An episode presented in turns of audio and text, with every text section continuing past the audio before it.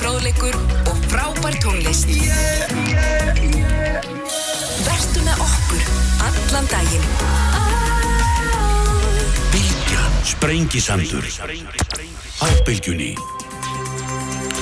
Komið sæli hlustundur, þá höldum við að stað hér á Sprengisandunum þannig júni morgun, 27. júni dag Helga Vala Helgadóttir og Karl Gauti Hjaldarsson verða hér í lóð þáttar hér fyrir líka Katrín Jakobsdóttir Fossilsráður einhvern tíma svona rétt um, um 11 og síðan verða þeir hér á eftir Áskil Brynja Torvarsson og Conrad Guðjónsson hagfræðingar þá fjallum við um söluna á 35% hluti í Íslandsbanka. En fyrsti gæstum minn í dag heitir Sveitin Helgarsson og er fyrirvændi fréttamár Ríkisútorfinu, gammal kollega, sælublesaður og velkomin og hérna stjórnmálafræðingur og hefur undanfærin ár starfað fyrir allansarspandalagi NATO uh, meðal annars í Brysselin líka í Litáin og þar þaðan varst að koma sveitna sem skrifaði nú mikla grein í skýrni sem er nú áhugavert þannig að skýrnir er hérna elsta tímarind á Norðurlöndum held ég frá 1827 síndist mér sem þau komið út ósleitið.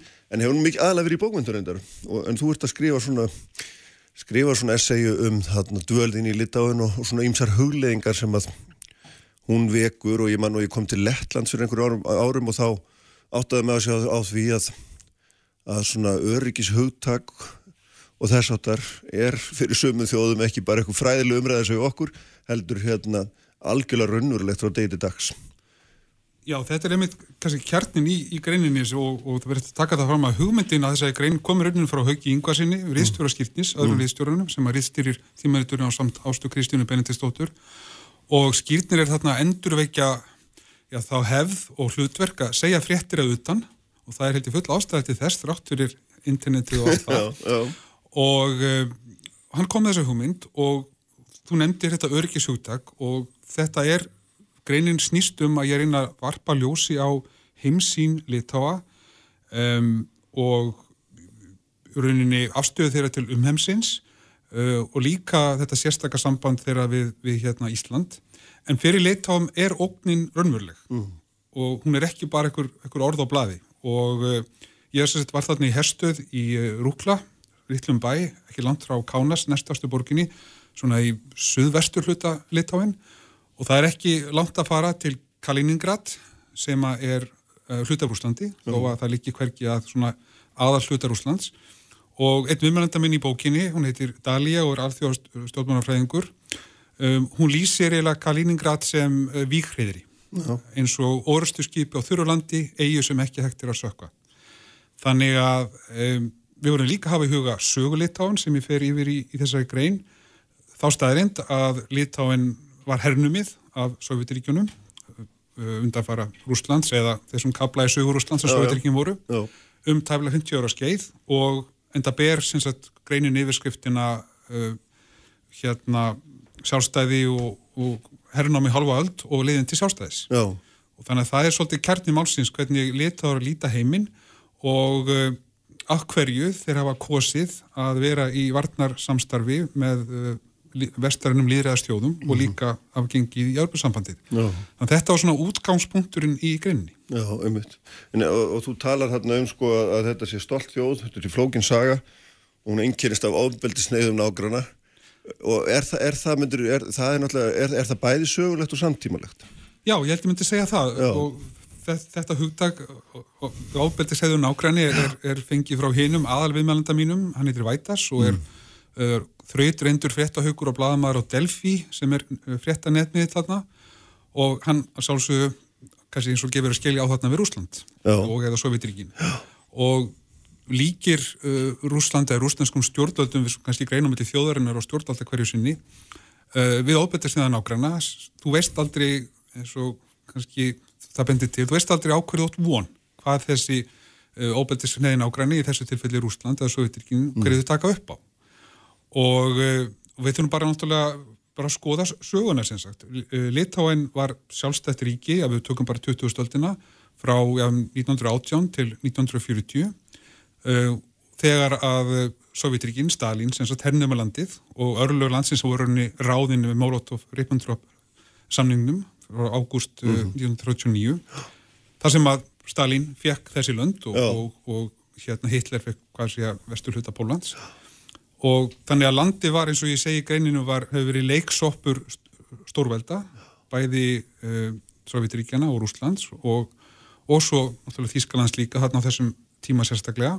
Nú kom, svo koma nazistatnir mm. og, og hernema Litáin og svo aftur Slavitrikinn og þá er sem sagt uh, er landið hernumið og það þetta sem mikið vakt og ég tala um það að landið var, var hernumið. Já.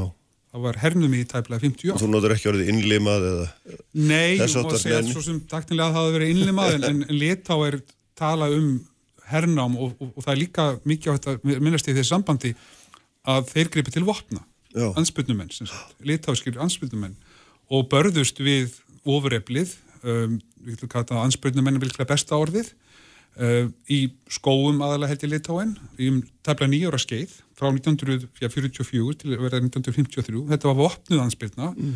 sem að ég hátti 50.000 manns voru í þessum her og þau liti á sig sem her mertu sig sem her og skipulöðu sig sem her og þarna fjallum 20.000 manns þannig að það var ekki eins og litáar bara rúluðu á, á bakið og, og var að bjóða hinn vangan Nei. þannig að þetta bara er að hafa í huga og, og ég geri grein fyrir þessu í, í hérna greininni. Mm, og þetta og þetta mótar afstöðu þeirra á heimsín í dag. Já, einmitt.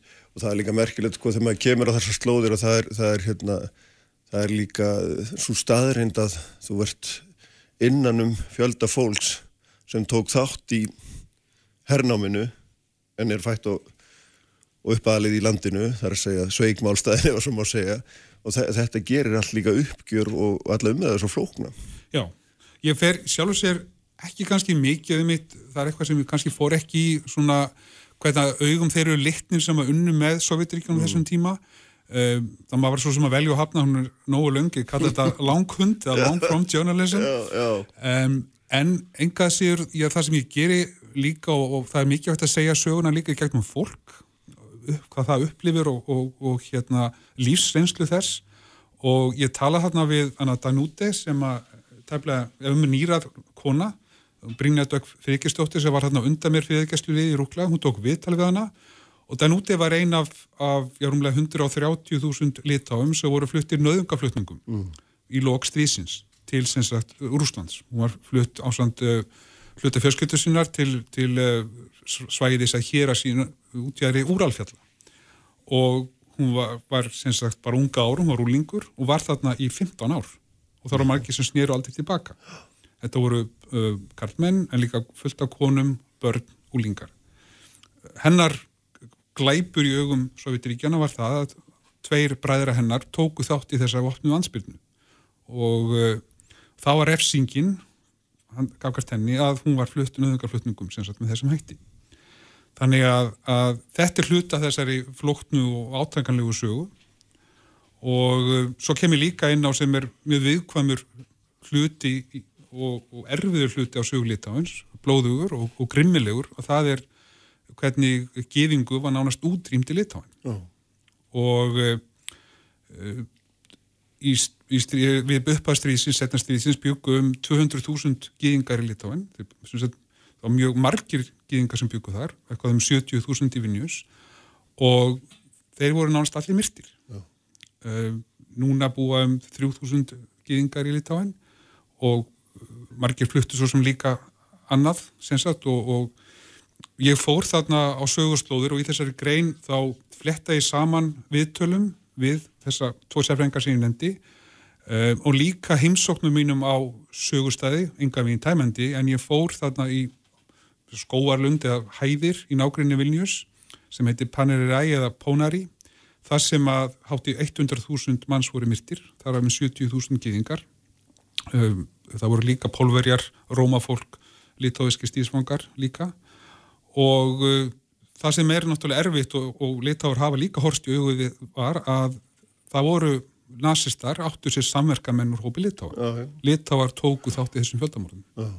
En svo er náttúrulega bara í öllum þessum löndum þar sem þeir fóru yfir þar voru alltaf já, voru, með þeim. Já, það voru þarna heimamenn sem tóku þátti þessu og, og, og og þetta er mjög áhrifamikið að koma þennan stað mm. og erfitt náttúrulega að ímynda sér svona þetta voru friðsalum suðmar degi þannig er fjöldin allir á minnismerkjum og uh, litáar uh, hérna eins og segja hafa horst í augu við það hversu mikið má alltaf deila um en um, þeir sem sagt til dæmis í fyrra þá myndust þeir 700 ára sögu sem sagt gýðinga í landinu. Uh, Fórseti Litána sínum tíma fór til Ísæl og baðast afsökunar. Og, uh, og það er enþá sem sagt, auðvitað mikil áhrif í Vilnius í byggingalist og menning og öðru en það var Vilnius á sínum tíma kölluð Jérúsalemi Norðursins. Já, og út af þessu. já, akkurat.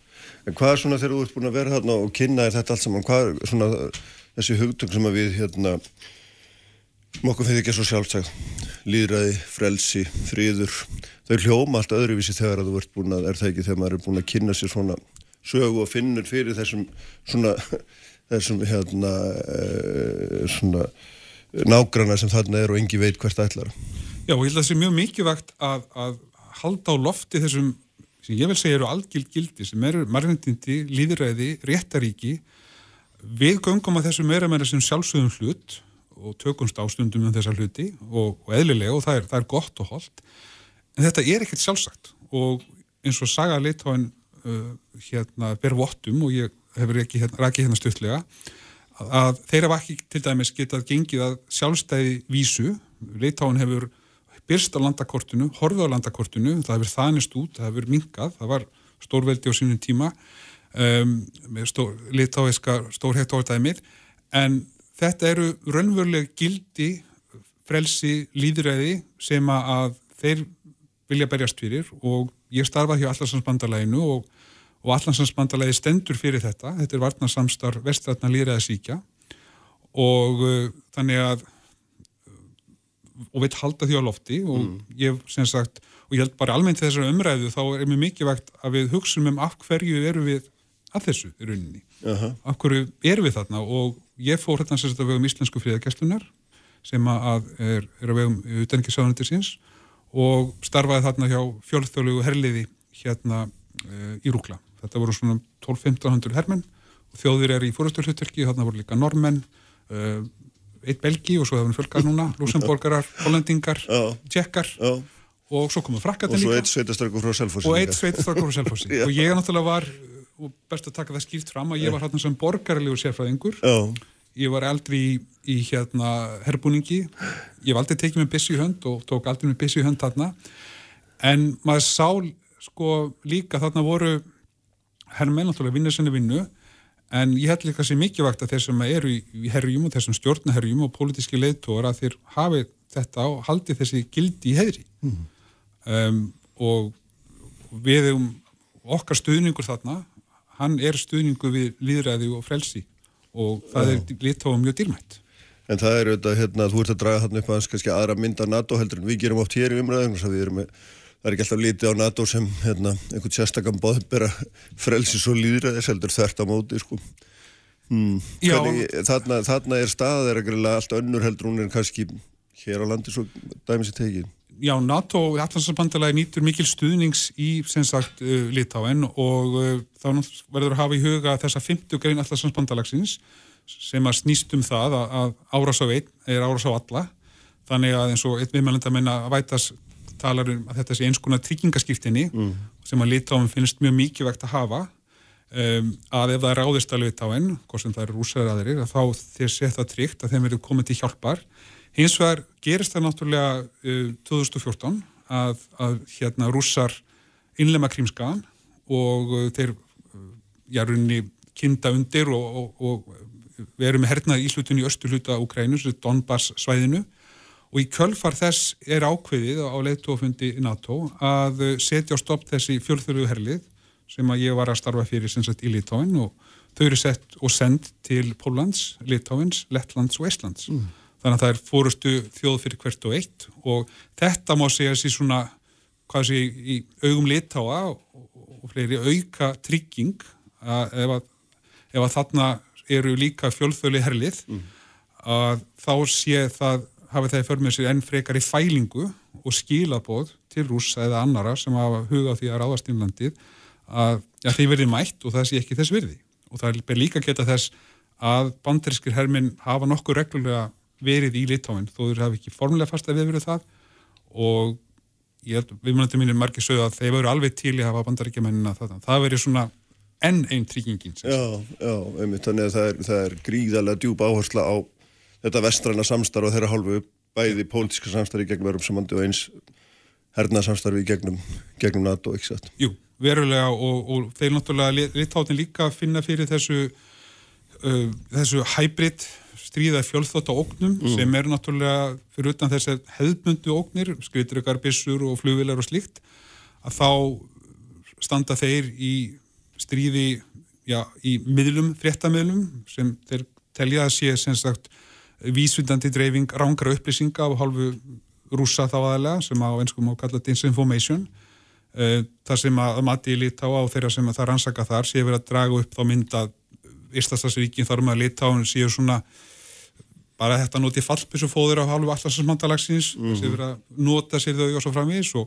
og svo ser maður líka, finnir á eigin skinni. Ég var þarna sagt, þegar að uh, allt fór í, sé, í Bálabrand í Kvítarúslandi stjórnarnanstæðin reysu næsta nágranna ríki Litáin og Litáin á löng landamæri að Kvítarúslandi og uh, þá náttúrulega fylgdust við grann með því og stjórndu til Litána sjálfsögðu og skutu stjólsusi yfir stjórnan aðstöðu Litána Svetlunni Tinnarskæja sem er á komandi landsísmur í vikunni. Já, um og þá sem sagt uh, uh, voru rússar rúsneskir miðlar eða á vegum Kreml sem sagt sögðu sem svo að, að NATO og Litána var undirbúa innrás í Hvitturúsland og ég get bara sagt það reynd og sagt, ég var þarna þá bara ekki rétt. Nei. þannig að það svona gefur aðeins vísbendingu um, um þennu og, og þeir eru mjög framalega í þessu litá að greina, finna og taka á móti og sína frumkvæði gegn þessum eh, sem náttúrulega er ekkit nýtt af nálinni. Goebbels var til dæmis mjög færið þessu sínum tíma svo við tökum bara eitt dæmur Já, já, nákvæmlega.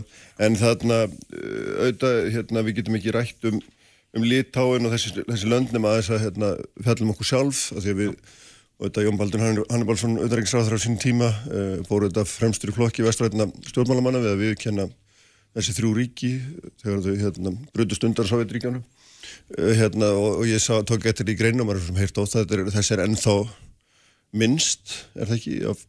Jú, ég, þeir lita á Ísland á mjög sérstakann og, og sterkan sess í hugum litáa mm. og eitt lítið dæmum það er Íslandsgata í, í Litáen, Vilnius, höfuborginni og það er skjöldur þar sem að stendur á Takk Ísland og það eru fleiri slík uh, svona tákgræn, tákgræni þáklættis óttar í, í borginni og uh, vissulega var það þannig á Ísland hafði, og Íslands stjórnvöld hafðu hugrekki til að viðkenna sjálfstæði litáinn og það er kannski eitt í þessum skiptir smámáli að, að það er talað um að viðkenna endurheimt sjálfstæðis litáinn. Þetta Já. orð endurheimt skiptir pínuðlu máli. Já.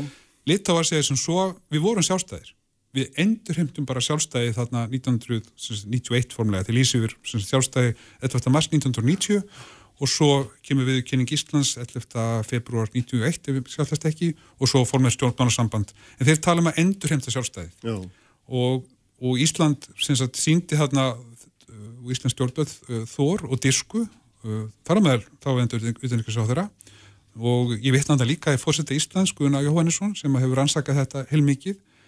Hvort að Ísland eitt ég held að sé kannski langt selst að laka Íslandi þetta engungu en við lögðum okkar lóð á hóaskálanar ótvirætt og, og viðmælundum minnir eru segja það og taka undir það. Og þess vegna eru tengst Íslands og, og, og litáan mikilvæg og það var svo sem líka geta þess að hér á Íslandi er stort samfélag litáa ég fletti upp í morgun þetta séu eitthvað um hátti 5.000 litáiski ríkisborgarir hér. Já, þannig að það er næst stærsti hópur svo kallara innflýtjandi að fór sig á Ellendumbergi broti hér. Já, eftir pólverum. Eftir pólverum, já. Já, já. Já, þú hérna segir í greinni held ég að þú hafir þú fórst tilbaka að þú heldur þið hafa lagt eitthvað fram í baráttunni fyrir örgjufrelsi það, það var tilfinningin.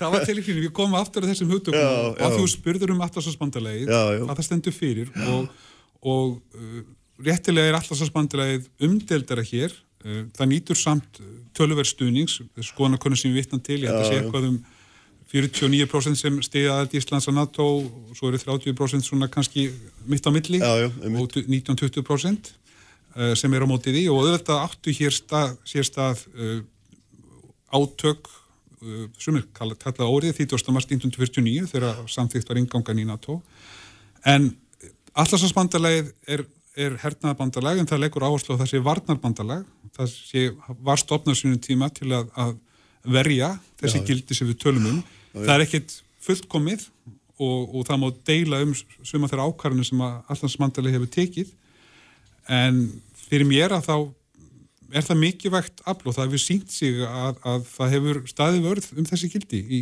Östur-Európun. Auðvitað er stríð ennþó, í, það hefur verið stríð í Európu, ég meina það er stríð í Ukrænurunni, átök ennþá. Við sjáum líka Júkoslavi, þannig að það er ekki eins og það hafi verið bara eintóm friður í Európu eftir setni helskvölduna. Síður en svo, síður en svo, hérna, ég held við segjum aðminn á eftir efninu núna sveil og hérna, þakka þið fyrir að koma.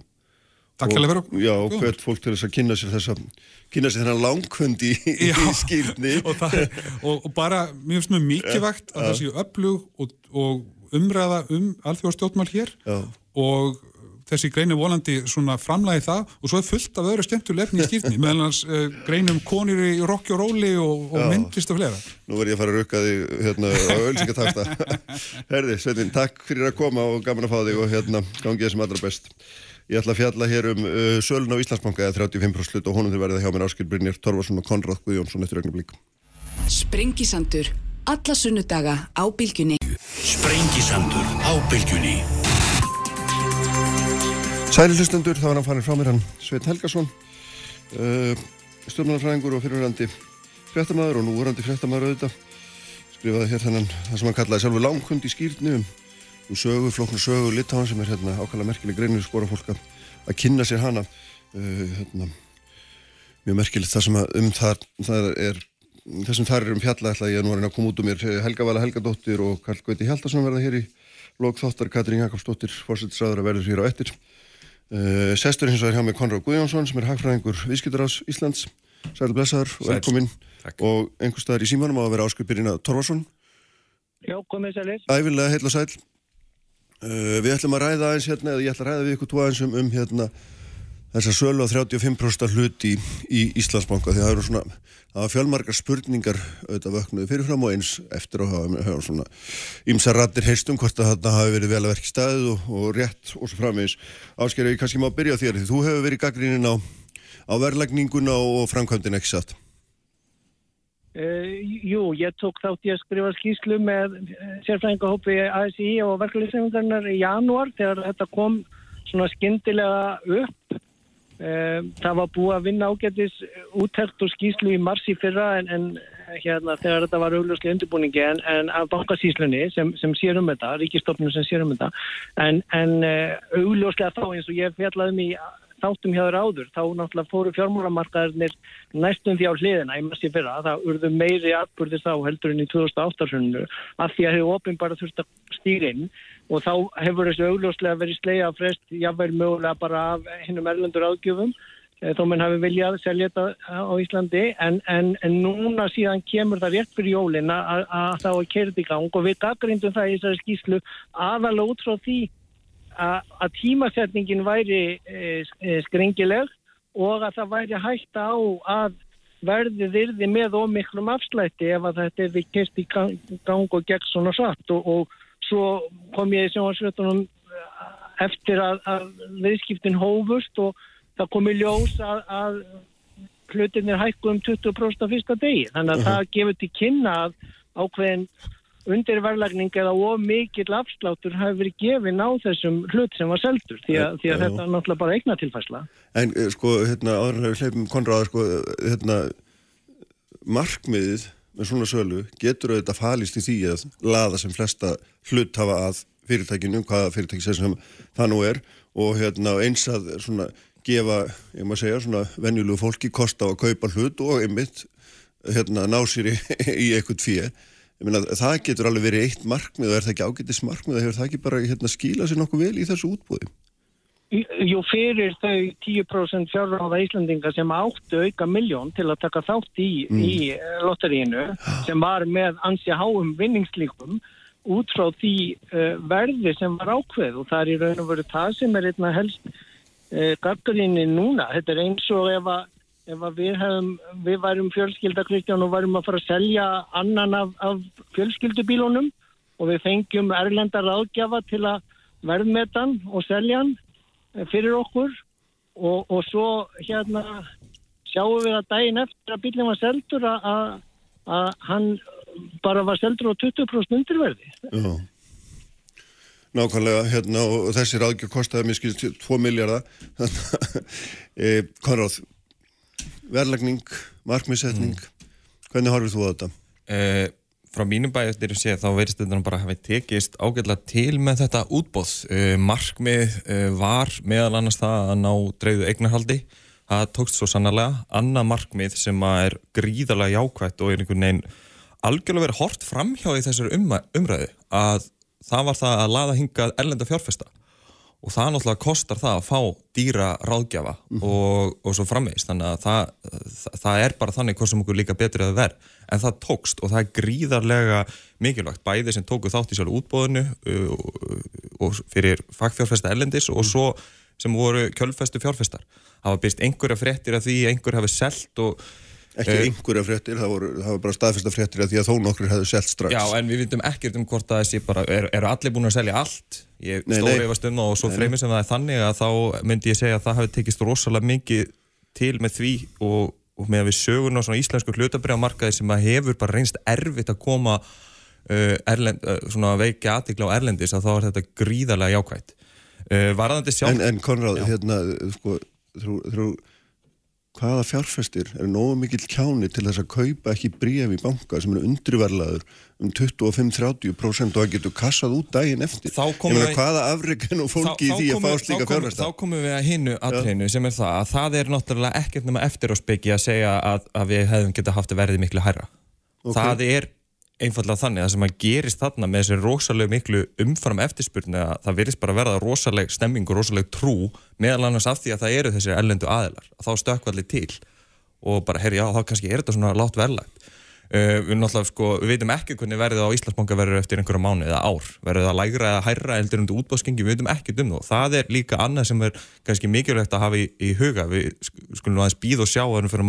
að hérna, segja hvernig þetta útbóðskengi var. Mm -hmm. og það er líka bara þannig og þetta er ekkert sér íslenskt að þegar þú ferði í hlutafjörútbóð þú vilt frekar að verðið sé aðeins undir því sem að þú væn býst við að verðið sé að fara að eiga viðskipta á þegar markaðurinn myndast og fer að eskra á marka þetta er rosalega fín lína.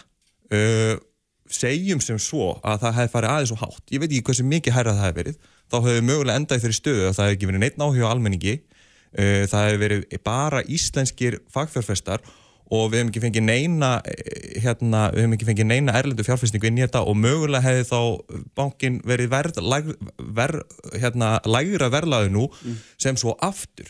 Skiptir svo óbúslega miklu máli að hann sé frekar hátt verlaður upp á það að selja mögulega setna, hinn 65% þannig að það er algjör einföldun og allt of snemt að segja sem svo að, að hérna, það sé bara þessar, þessi sem tóku þátt í útbóðin núna sem einhvern veginn hafi hagnast í að þá eftir að selja meiri hlutan í bankanum, mm -hmm. mögulega höfum eftir að sjá til en, en þetta að, það, að þetta hafi farið svona með breyðu eignarhaldi, fá þarna fjölbreytta fjárfesta og bara verðið sé þokkala hátt eins og að skráða marka núna það er rosalega mikilvægt og raun og veru nöðsynlegt fyrir það að, að næstu skref verði bara getið þá gengið til að vel ef það er pólitísku vilji fyrir því. Akkurát, Ásker, hérna eftir á spekkin.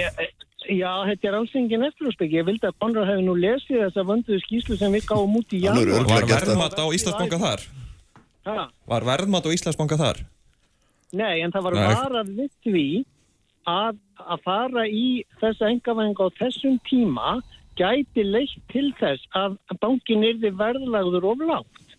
Og það er bara það sem er búið í ljós. Að sjálfsögðu hefðu við Kristján alveg samþygt að selja bílinn okkar á svona 5% undirverði kannski eh, eða, eða ég vil 10% af því að það er verið að selja þetta til unglingarna í fjölskyldunni.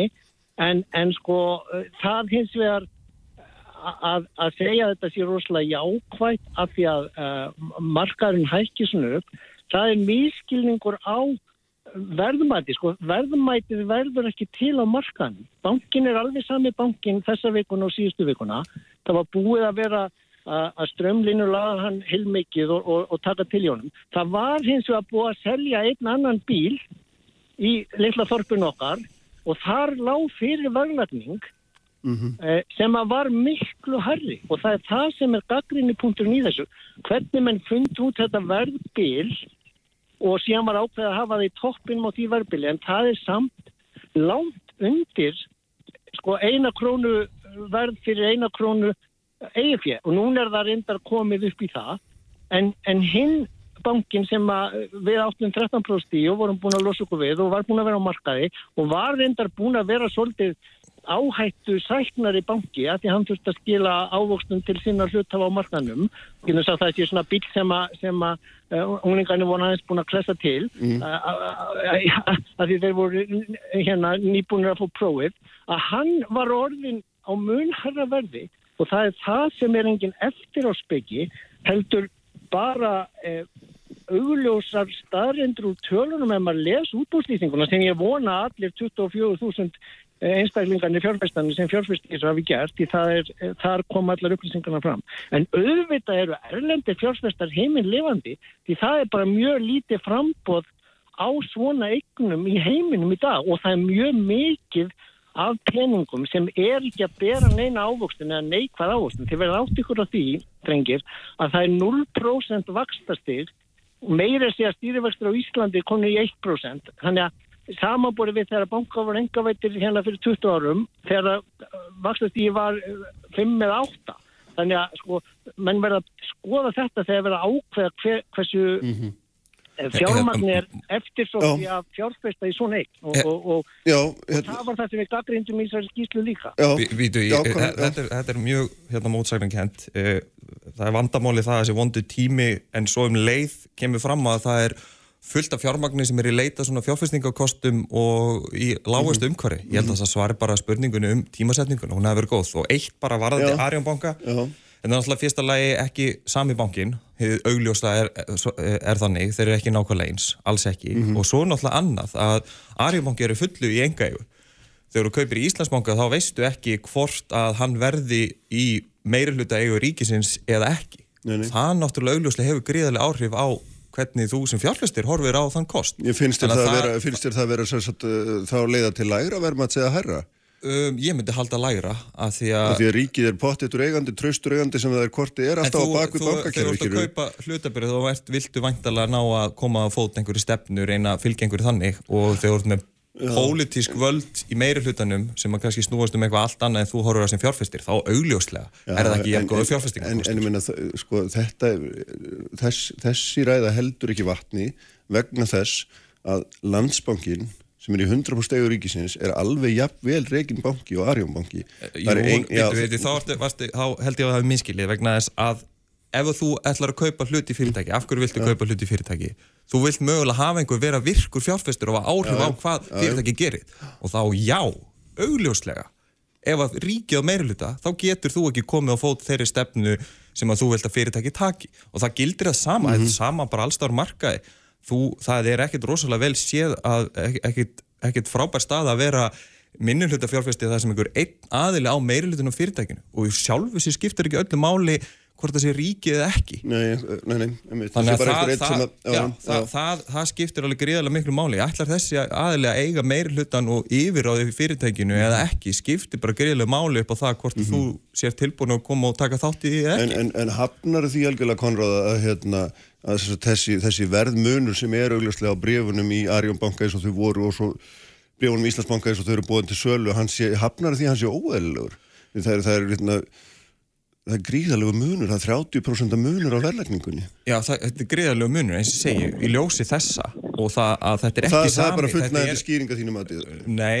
ekkit endilega og í, í ljósi sko þess að hérna, það er þessi eðlismunur mm. á böngunum að, á eignarhaldinu, þeir eru ekki sama fyrirtækið fyrir utan það uh, hérna, að þá sjálfu sér bara rosalega erfitt að, að fullera og ég bara hreinlega hafna því að þetta sé ekki eftir á speki einhvern veginn að mm. segja að, að, að það hefur verið verðlagt e, eitthvað og látt því að eftir að þessi útbóðslýsing kom út og verðbili var byrt ég held ég hafi ekki heyrt nán hver, hver var að segja þá að verði var og látt það heyrðist mjög lítið um það. Það heyrðist ekki fyrir ná komin á marka og þá er, þá, þess vegna ég segi það er bara uh, samkvæmt skilgrinningu eftir á speki og það stendur svolítið nýjurinn í kunni en aftur á móti, ég, ég, ég, ég get vel trú að því að verið þegar geta verið eitthvað herra mm. en hversu mikið herra það er algjörlega ómögulegt að segja. Ásker Já, sko, ég sitt nú í fjármálaráði þar sem við erum nú aðeins að reyna að hafa svona e, yfirsjóna eftir með fjármálun ríkisins og þess vegna stendur þetta mér nú kannski svolítið nær en ég fór að sjálfsögðu ekki í fjölmjöla meðan á ferlinu stóð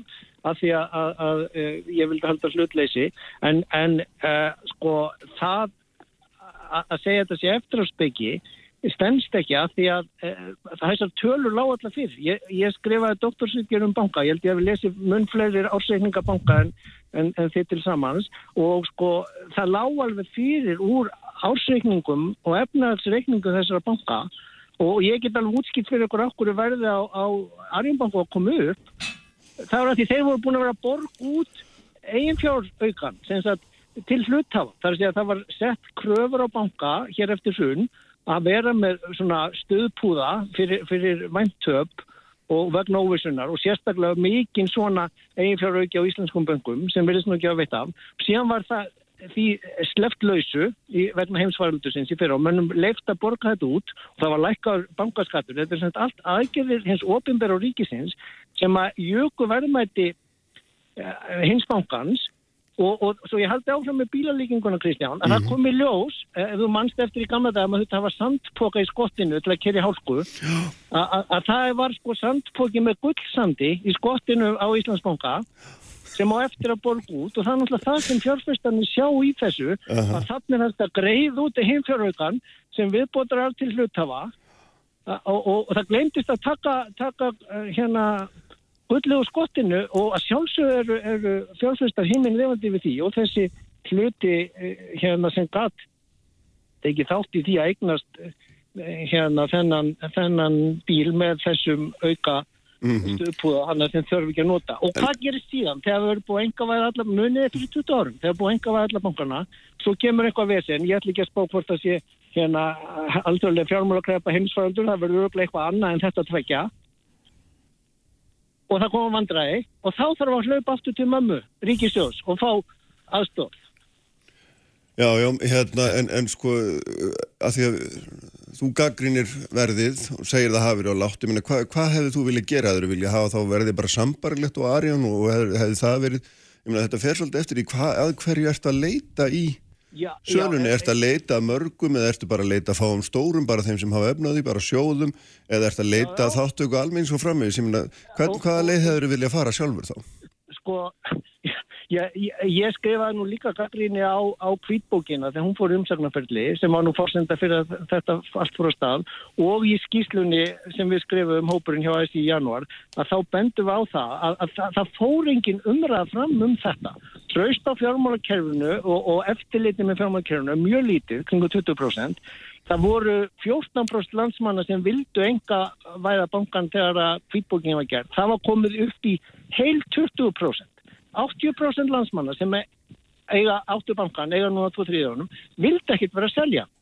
En það var hort fram hjá öllu þessu mm -hmm. og það þurfti að drífa því í því að koma þá þessum þriðjóngslut til þess að 10% eða, eða 8% eða 6% þjóðurinnar til hvort þið tökum fjárróða eða, eða alla landsmenn.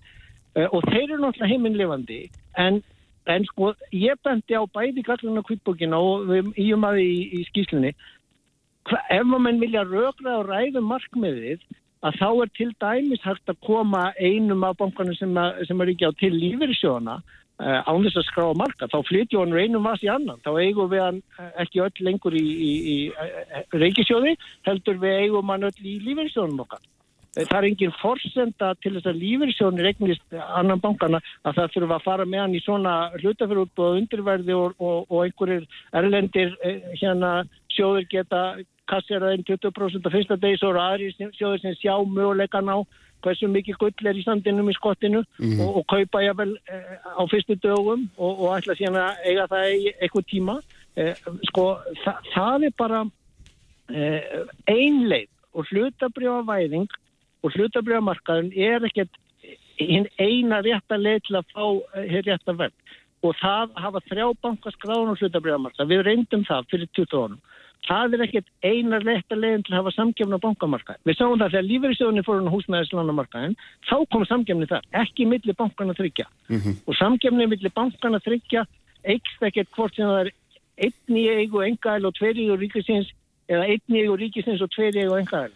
Þetta er fákefnismarkaður, bankar eru öðru vís en öðnur fyrirtæki uh, og þeir uh, fara með þjóðarslega mikilvæga starfsemi og þess vegna er alltaf þessi óbeina uh, trygging ríkisins á bakvið og þess vegna er það ógild rauk að halda að ríki þurfa að losa sér við þessa áhættu eða, eða ríki þurfi að fá uh, hérna peningin til að gera eitthvað annað. Ásgeir. Því að ríki getur fengið lánaðan pening á nútbársvöxtum og getur fengið fullt af varða af þessu. Þannig að það, það er verðið að tillit til þess. Já, hérna, hvað- já. hérna eh, eitt í, í þessu hérna, að þó að kannski mismöndi skoður á eignarhaldi í banka og hver, hver þegar að vera á hversu stórt ríki að vera þar þá er staðrindin einfallega svo að þau lönd sem við berum okkur saman fyrir þau hafa kosið að haga þessu þannig að uh, enga aðlar eiga bankana. Allir mis bankar á Norðurlöndunum eru á stærstu hluta í augu uh, fjárfestingasjóða og tryggingafélaga að miklu leiti það eru einhver dæmi um ríkisegna eins og hluteldumis hlutur norska ríkisins í DNB Uh, og þeim höfum svona held, farnast ágætlega í því að halda öryggi fjármálakerfisins. Ég held að varðandi svona þetta sérkenni banka uh, og, veist, og komið vekk fyrir fjármálakrísur og svo framvegis ég held að það sé miklu farsætla að hafa sérstakt eftirlit og traust eftirlit og, og, og, og traust regluverk og umgjörð í kringum kerfið uh, til þess að- ná þeim markmiðum það gerist ekkert að sjálfkröfu með, með hérna, eignarhaldinu að því að pólitíkus í alveg eins og einhver engafjárfestir getur haft mjög skakka kvata um það hvernig hann á að, að beita sér uh, bankanum fyrir sér. Eitt líka í þessu að Það má nú ekki glema því að pólitíkusinu hafa þetta engin, engin ítök í bönkunum með, nú er það bankasíslan, það er anslengd að Já, með það og valnefnd þá- sem velur stjórnamenn og svo framvegis, eða það mistast á að vera þannig. já, það á að vera þannig, sko, ég skil það, en, en enga síður, það er engin trygging fyrir því. En, en svo eitt í þessu varandi, sko, þessa verðlægning, ég er svolítið hissa, sko, því að ég held að, þegar að, svona, fróði menni fjármælis og ásker vissu það að verð á hlutabriðamörkuðum fer ekkert alltaf eftir því hvert raunverulegt virði er samkvæmt einhverju líkani að verðmati. Þannig eins og aftur bara ítrekka það. Sjáum bara hvernig verðið á Íslandsbanka mun þróast, uh, hvernig þe- þetta mun ganga. Þetta er ekkert, uh, hérna, það, það er, fyrir, ég, ég bara endur tek það og verður þá bara að vera ósamlega það. Það var ekkert augljóst að það myndi byrja að vera akkurat á þessu verði þegar það er skráð. Það geta verið eitthvað aðeins læra mögulega. Eitt líka sem mikilvægt að hafa í huga. Nú er verið að benda á þetta að það hefur verið svo mikil eftirspurn og það er einhvern veginn sönnun fyrir því að þetta var bara algjör klúður með að hafa verðið svo lágt. Nú vill svo til að það var hlutaföru útbóð í síðustu viku í öðru fyrirtæki þar sem var held ég áttföldu eða níföldu eftirspurn og í fyrirtæki þar sem að útbóðsverðið var hærra heldur en á var í lokuð útbóði fyrir nokkru mánuðin síðan. Þannig að ég, ég, ég held að það er líka ljósi á, ljósi á það að, að þegar þú ferð af staði svona útbóð þá veistu aldrei hvernig er. Og það er þess vegna sem þetta er ekkert sér íslensk, það er bara út um allan heim það sem að þekkist að það er ákveðin afsláttur miðað við að sé einhver afsláttur þegar bre brefinu er skráð á Ásker, og þetta er ómögulegt að byrja saman við hitt útbúð. Það er startup fyrirtæki sem hefur verið í gang, verið að ná í fjármögn til að koma fyrirtæki á koppin. Þannig bara verið að selja ríkisegn eh, sem er í fullum rekstri, búin að skila 70 miljardum í, í arð í ríkisjóð síðan 2015 þegar það var búið að skila öllu um kostnæðanum af því úr, úr síðasta eh, sunni og, og, uh, og, og sko, sem betur fyrir eigum við tvo þriði og Kristján ennþá af gullsandinum í skottinu. Og, og e, þannig að við munum vonandi og mjög líklega að fá hærra verð fyrir restina sem likur fyrir að ég að selja. Nem, e, sko þannig að, að þetta er í raun og veru bara e, svona mikilvægt finnst mér og hefði átt að fara eins og við bentum á í janúar. Þurft að fara meiri rökræð og umræða fram fyrir en ekki, ekki eftir á um En- hvert er markmið en er, er það þannig áskil í þínum huga að markmið er alltaf að fá hæsta verðið, það er nummer eitt og hérna, en, en það er þá sekundar hverjir kaupa eða hvort það eru margir eða fáir eða hvernig það er. Er bara Nei, verðið sko- alltaf nummer eitt? það er bara, það er bara bannað að selja ríkisegnir á undirverði og, og við erum með sko bankasýtluna til að sjá um þetta. Þannig að, að það, ég, það lítur að vera kallað eftir upplýsingum það um hvernig þetta verð var, var fengið. Ég veit ekki hvort að það er ríkisendur sko eða þingið að fyrir fram á það. En sko það að sjálfsögðu eru erlendu fjárfyrstanir heiminn lifandi og sjálfsögðu eru ráðgjafarnir eh, sem kom að þessu ánæður, þetta gekk allt vel. En, en það, það, var, það var viðbúið þegar að mann setja, það var hvati til þess að hafa það of látt frekar en eh, eh, nær eðlilegu marki sem að við höfðum af hinnum bankan og það, það, það er í raun og veru bara út frá tímasendingun sem við gagnum í janúar líka, það veit enginn hvað verða mikil hérna uh, töp af ferðarþjónustuna, það veit enginn, það er verið að tala um núna hérna úti að kannski kemur delta afbrið til með að stoppa ferðarþjónustuna aftur í sömar, það er, er ekkit mikla líkur á því, en það gæti gert það. Veist, það, það er svo miklu óvissu þættur, það var þess vegna sem að við vorum að benda á að það væri ekki þessi nöðsina og svona hraða að drífa þetta. Og við, við eigum eftir að borga tapið af sko, síðustu engavæðingu sem fælst í uh, uppsöfnu tapi íbólánasjóðs sem eru kringum 300 miljardar uh, og, og, og, og sko það er ekki dæmi um uh, slæman ríkisrekstur og bankaheldur, það er uh, svona fórnarlamp þess að bankar og reyngavæti síðast og við eigum eftir að fara að byrja að borga það 2031, þetta er tíu ár. Og ég hefði til dæmis vilja geta nota þá þessum banka til að borga þann kostnað. Hérna, þú ert aðeins komin hérna aðeins Þetta er mjög Já, sögurskýringa, já. kannski ekki til að tími til að Nei, ræða núna. höfum við höfum ekki alveg tíma að fara þetta hérna, eitt, eitt hérna, konar til því núna fyrir 20 árum, þá var mikið rætt um hvernig, hvernig eignarhaldi á böngum ætti að vera háttað. Og þá var hann til fórsettsráður að Davíð Oddsson talaði mjög fyrir dreifðu eignarhaldi og hérna, var nú ekki ósksinni um það. En er, er hérna, og þú talar nú sjálfur um hérna það að vera óeskild að vera einhver einn rísastóri endi hvað sem það væri ríkið eða einhver annar. Menna, hvað er besta leiðin þá? Ef þú ert talsmaður þessa ríkið eða þetta ekki hvaða leið viltu þá fara í hinn? Sko það eru ákveðnar, ég þekki nú ekki nákvæmlega regluverki en það eru strángari takmarkanir fyrir því hverju meiga eiga hátt Já, hlut í banka. já, og já. hversu háan hlut. Og ég held að eins og bara tek undir með áskýri það er bara fullt tilumni þá til þess að ræða það viljum við setja einhver skonar eiga að vera einhvers konar mörk á því hvað þú getur átt hátt hlutfall í í hérna kerfislega mikilvægum banka undir hvað skilur þeim og þá hversu mikið. Ég held að það sé bara mjög mikilvæg umráð. Ég bara, eins og segi, ég tek bara undir það að það er eitthvað sem að má gjarnan bara ræða betur hvernig þessu er, er hvernig er haldið á þessu svona til frambúður af því að ef við erum að fara að selja meira Íslandsbanka þá eru stærstu skrifin eftir.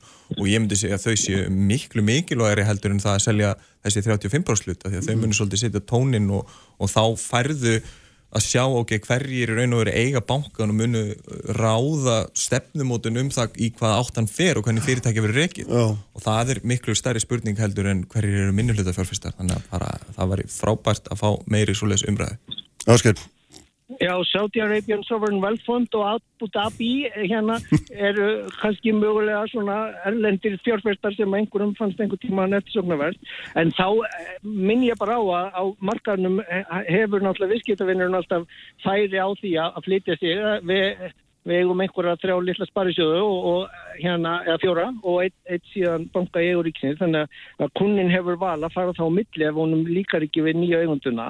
En, en ég sammála Konrad, það þarf að hafa reglur um það líka. En, en, en hérna og síðan bara uh, liggur það fyrir, ég menna þegar þetta verður komið að fullu á, á markaðinn að þá náttúrulega verður gerð krafu meiri arðsemi og það er náttúrulega viðskiptavinninni þessi eh, 80-90% landsmanna sem að tóku ekki þátt í lotteríun og greitu ekki á þessum kaupum sölu að þeir eru kannski með húsnæðislán og þurfa að borga þá uh, fyrir þau lán herri vexti til þess að, að greiða hlutónum arð þannig að þetta er mjög skýrt dæmi um svona hvernig, hvernig hérna uh, 80-90% tapaði að borga fyrir gróðan hjá, hjá 10-20% sem að eiga auka miljón. ég held einhvern veginn, já, að við komumst ekki lengri í bili. Hérna, takk fyrir að með okkur Ásker, takk fyrir að koma, Konráð. Takk. Höldum svo áfram með þessa umræðu, ég held að hún sé nú ekki, henni er nú ekki lokið. Uh, hérna eftir augnablik verður hjá mér Katrín Jakobsdóttir, fórsettisráðra, svo Helga Vala Helgadóttir og Karl Gauti Hjaltason í lokþáttur. Sprengisandur, alla sunnudaga á bylgjunni.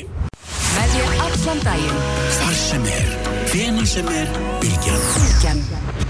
Kraftmikil umræða. Alla sunnudasmórna. Sprengisandur á bylgjunni.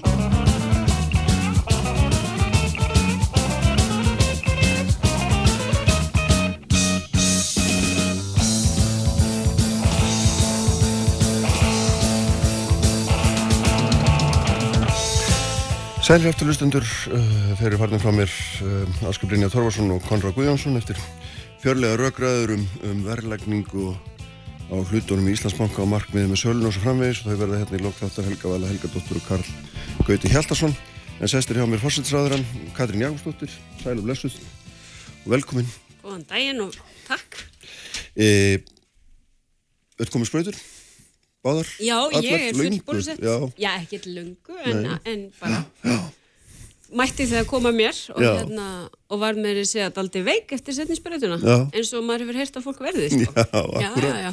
Já, þetta er Já. reyndar Þú ert eftir setni, já, já, já, Það sást á því að ég hætti að taka síman hann í einn dag Þannig að hérna, en þetta er nú svona, nú horfir allt í betri vegar, það ekki? Nú er búið aflétt allum takmörkunum og þetta er svona, Í við erum eru- ekki að komast á einhvern stað þar sem við getum kallað. Já, svona, við erum eh, náttúrulega venjulegt á rosalega góðum stað í Ísland sko og það er náttúrulega fyrst og fremst vegna þess að í fyrsta lagi hefur gengið vel með þessar rástafanir allar, Mm. reyndar alveg hreint ótrúlega vel og hins vegar með bólusetningar og ég segi þetta er svona sama ástafan fyrir því að það hefur gengið vel bæði með rástafanir og bólusetningar, það hefur verið mjög mikið upplýsingaflæði, uh, auðvitað mest ber það að þakka þrýeginu Mm. Sem var óþreytandi í raun og veru í sinni upplýsingamilun til almennings. Og fólk hefur tekið skynsanlegar ákvarðanir bæði í ráðstofunum en líka að taka þátt í bólusetningum. Og, og ég finn það að þetta er alveg einstakt sko þessi, þessi vilji til að taka þátt. Já, þannig að við erum komin að þennan stað og það er 87-8% komið fyrir sprötu og af þeim sem e, bera bólusetja samkvæmt áallunum um en hins vegar er, er faraldurinn ekki búinn og að sjá út í heimi að það er verið að herða við á takmarkanir Já, núna. þannig að við, við höldum þessum ráðstöfunum á landamærum og, og gerum okkur alveg grein fyrir því að, að þetta er ekki búið fyrir bara heimurinn er bólusett Nei, nei, nákvæmlega. Þannig að við þurfum eitthvað áfram að gvendalega halda, halda landinu svona ekki lokuð en þú veist eitthvað með svona... Já, bara halda vök okkar Já. og vera meðvitið um það þó að, að það, það var nú gaman í gær sko, ég hérna fór nú í hjólatúru um bæinn og það var óbúslega svona mikil gleði í loftinu Mm. fólk hérna að fagna frelsinu Já, en hérna ég held að það sé mikið vægt að fólk gæti áfram að sér og svona já, já. Hæ, hætti ekki að þú sér með hendunar eins og, Nei, nei. eins og við höfum verið svona mikið mynd á. Nákvæmlega, nákvæmlega, hérna, hvað heitir þetta, einstaklingsbundnar Já, mér. sóttvarnir gætum að þeim, Já, þetta er mjög hérna, þetta er, við kunnum alla þessa frasa. Já, já, og svo auðvitað er við Ísland verið að leggja sitt að mörgum inn í þetta alþjóðlega bóluefnarsamstarf sem er COVAX og, hérna, og það er vonandi að það fara að ganga vel það hefur auðvitað margar þjóði verið að leggja mikið að mörgum í því en það er líka ímsum vandkvæðum bundi ég menn hlut af okkar velgengni er þessi frangand bólusetningar sem auðvitað gengur fyrst og fremst að því við erum með svo öfluga innviði Já, sem geti einhvern veginn skipulagt þetta, já, já, já. og lítið Já, samfélag já, og já. þetta er einhvern veginn gert framkvæmdinu og gengi gríðarlega vel hjá heilsugjæslunum land allt. já, já, maður sér það náttúrulega bara í stærri samfélögum eins og ég var að lesa um hérna, hvernig gengur í Fraklandi, þar er svo mikið pottur brotin í dreifingunni og það er bara, þessu, já, já, þetta er, við erum náttúrulega alveg laus við þetta, hér fara bara allir á eitt stað og, ég, þetta og er bara ótrúlega vel gert og ég meina bandaríkinn sem hafa staðið sem mjög vel í því að hafa mikið bólöfni aðgengilegt, það hefur verið vandinn fremur að koma því út. Já, já, og hérna, þannig að það er þarna reynir svolítið á þessa innviði og heilbriðiskerfið sem við vorum að tala svo mikið um fyrir síðustu kostningar Já, já, hvernig það einhvern veginn Já, já. bregst við þessu mikla prófi. Já, nákvæmlega, nákvæmlega. Hérna, sko, ef maður lítur aðeins yfir síðustu fjögur ár uh, sem ég langar aðeins að byrja að gera þetta síðasta kjörtinabil, hérna, þá náttúrulega er þetta COVID auðvitað allt um líkjandi og við nefnum ekki að tala meira um það, en hérna því hún nefndir Ekki bili. ekki bíli allavega, en hérna því hún nefndir nú heilbríðiskerfi, sko, þarna þá er það náttúrulega ílíkt umræðefni og og hérna svo margt að gerast í því. Nú síðast þessi yfirlýsing læknana til dæmis sem að hérna var nú bara mjög skörp og hvöss í raun og verið í eitthvað garð Já, já, heilbriðiskerfið er viðvarandi verkefni og, og við verðum að horfa á það en annars þér ekkert á óvart þessi hvassi tóttin í læknum? Ég, hvað? ég veit það ekki, það er þetta búið að vera mikið álag á heilbriðiskerfinu og starfsfólki þess sem hefur staðið vaktina hér undanfallna 15-16 mánuði. En sko við verðum Mm. En það er líka verið að segja ykkur því að hafi bara bóstalega mannrækt þetta heiftalega. Já, já, en það, ég get auðvitað ekki tekið undir það. Og ég meina á tölun að tala sínu máli því við erum auðvitað búin að stóra auka framlöð til heilbriðismála sem var það sem við sögumst alltaf að gera bæði í fjárfestingar og þá er ég að bæða vitni í byggingu landsbítalans sem var sett af stað á þessu kjörtímabili og hefur verið beðið eftir og þetta voru nú læknar meðal annars að ræða um aðstæður á já. og við verðum auðvitað einhvern tíman að fara af stað í slíka framkvæmt. Ég er að tala líka um uh, fjölgun hjúgrunarrýma sem hérna er auðvitað stórmá líka en líka í rekstur uh, þar sem fjármunir hafa verið auknir og við erum að sjá bæði aukningu í krónutölu en líka sem hlutfalla landsframlislu þannig að auðvitað búið að gera mikið en það breytir því ekki að heilbríðskerfi viðvarandi verkefni og það er að koma út úr uh, núna gríðalögum álastíma Já. þannig að ég held að að það verði ekki þannig að við munum ekki ræða heilbríðskjöru fyrir næstu kostningar. Nei, það er ekki svo. Menna málaflokkur sem við höfum verið að auka í og hefur verið kjörtmabili það er sem er í raun og veru bara langvarandi já, hvað getur við sagt? Langvarandi staða sem tekur tíma að snúa við og breyta. En því sverir það ómaglegt að segja að ekki það verið gert því ég held að sko staðrindin er svo að sjaldan hefur verið aukið að pressilega í helbriðismál og þessu en fólki á gólfinu vilist ekki finna fyrir þessu grunnilega eða, eða kann ég ekki að meta það eða Ég- ég, ég, veit ekki hvað það er ég horfum bara á það, það er náttúrulega búið að vera að taka ímsar mikilvægur ákvarðanir og ég menna heilsugjæslan til að mynda hefur auðvitað verið stóreld og það er eitt af því sem við erum búin að ræða árum saman að það þurfi að styrkja heilsugjæsluna til þess að hún geti tekið meira á sig þannig að minna sé í raun og veru að lenda á spítalanum sem eigi að fást við alvarlegri tilfelli. Þetta er eitthvað sem við erum búin að ræða árum saman og þetta er það sem við höfum verið að gera á þessu kjörtumabili En en, en þetta er auðvitað þannig að ég segi það er auðvitað bara gríðlegt álag eins og er á kerfinu og, og það tekur tíma líka að ná fram breytingum í jafn svona já, ég menn það tekur tíma að snúa stórum skipum sko. Já, það já. er bara hluta þessu En, en, en á hvaða leið er það þetta skip uh, sem varðar hjúgrunarheimilin til þeim sem við horfum á Akureyradæmi, á hvaða leið er það skip undir fóristu hérna vinstri grænna, Mm. þar sem verið er að engavæða rekstur hjúgrunarheimilis Já, við menum ekki gleyma alveg hvernig þetta ber til sko. Nei, þetta nei, ber auðvitað þannig til að bærin í raun og veru skilar Já, hjúkrunarheimilisins alveg, eins og fleiri sveitafélag gera já, já. og það er leitast eftir því að hérna, helbriðistofnunin taki við þessum rekstri eins og það er gerðu Mm. víða annars þar þar sem sveitafélag skiluðu rekstrinum uh, það hins vegar hérna, þetta þótti í raun og veru of svona stór eining til þess að fara undir helbriðistofnun og þá er þetta búið út eins og raunar ími sjúkrunarheimili eru þetta Mm, já. aukin af sjálfstæði maður En við eh, skulum ekki þér því vera, að, þetta er bara leið sem að þú ert sátt við eða hvað? Ég, ég meina, ég held að það sé mjög margt, stórt verk óunnið í málefni hjúgrunarheimila, bara svo ég byrja það sko. Já. og, og við fengum hér skýrslu sem unni var undir eh, fórustu Gilva Magnússonar og það er mjög margt sem bentir á þar sem er þó þess eðlis að við erum ekki komin með fullnægandi svör við því en ég meina það sem við getum tekið út úr því og er ástæðan fyrir að sveitafélagin skila þessu er að það víða hérna uh, hafa fjármunir ekki bara nægt til að reyka heimili. Nei, það er nú kannski stóri sjálfsögðu, vandin. og Og eins og þú veist. Kristján, þá er ég svo sem ekki hlind uh, hérna, enga rekstri endilega en þó ekki, þó hef ég bara ekkert heldur staði gegn uh, því að hluti heilbríðiskerfisins sé rekin af sjálfstætt starfandi læknum. Það er bara hluta okkar stefnu við, hérna, þannig að við skulum nú hérna, Það er hluta okkar kerfi sem að þú það þér er finnst bara hluta eiga af að vera okkar þannig. kerfi sko. en við höfum eins og að sagt við í VFG að við viljum efla hennin ofinbera hluta Já. það er auðvitað það sem við höfum verið að er, gera ekki, þetta er ekki að gera það. Nei, nei, en þarna er bara vandin miklu vítakar en svo að hérna, En, en, sko- þetta dæmi þó að þú nefnir það einangra, það tengist þessari stóru Já, mynd já, því sem er auðvitað já, já. bara rekstur hjúkurnar heimila Já, sem er en, bundið. Katrín, þetta er náttúrulega eitthvað sem við höfum vitað svo lengi Já, já, og svo lengi sem við bæði munum sko, þetta, þetta hefur verið viðvarandi vandamál og þarna og allt og lítil peningur inn í þetta með að við einhverja metna þörf og hérna, kostnað við, við umörnum og svo framvegis. Og, og, og nú er þetta þannig að ríkið sko, hérna, ætlar að gefa eftir að mér skilst 200 miljóna, ríkið og sveitafélag ætlar að gefa eftir 200 miljóna krónar leigu til engaðalans í þessu tilvíki, 209 miljónur krónar og, og, hérna, og, og, og farmaður samlingum spurði ágætlega hérna, held ég fyrir viku eða tveimur sko, akkur var ríkið ekki tilbúið að gefa akkur bæ þennan afslátt sko ef við horfum bara stóru myndina Já. í hjúkurnar þá er það þannig og það var nú verið að setja miljard inn í þau núna, bara í nýjasta fjárauka þessa ás. Já. Það er vegna þess að að við erum að sjá mikinn vanda uh, víðum land á heimilum, við erum bæði að sjá vandi í því að það eru bilistar. Það er sem sagt, þrátt fyrir að búið sér fyrir að bæta við rýmum, þá erum við ekki að ná að mæta bilistum.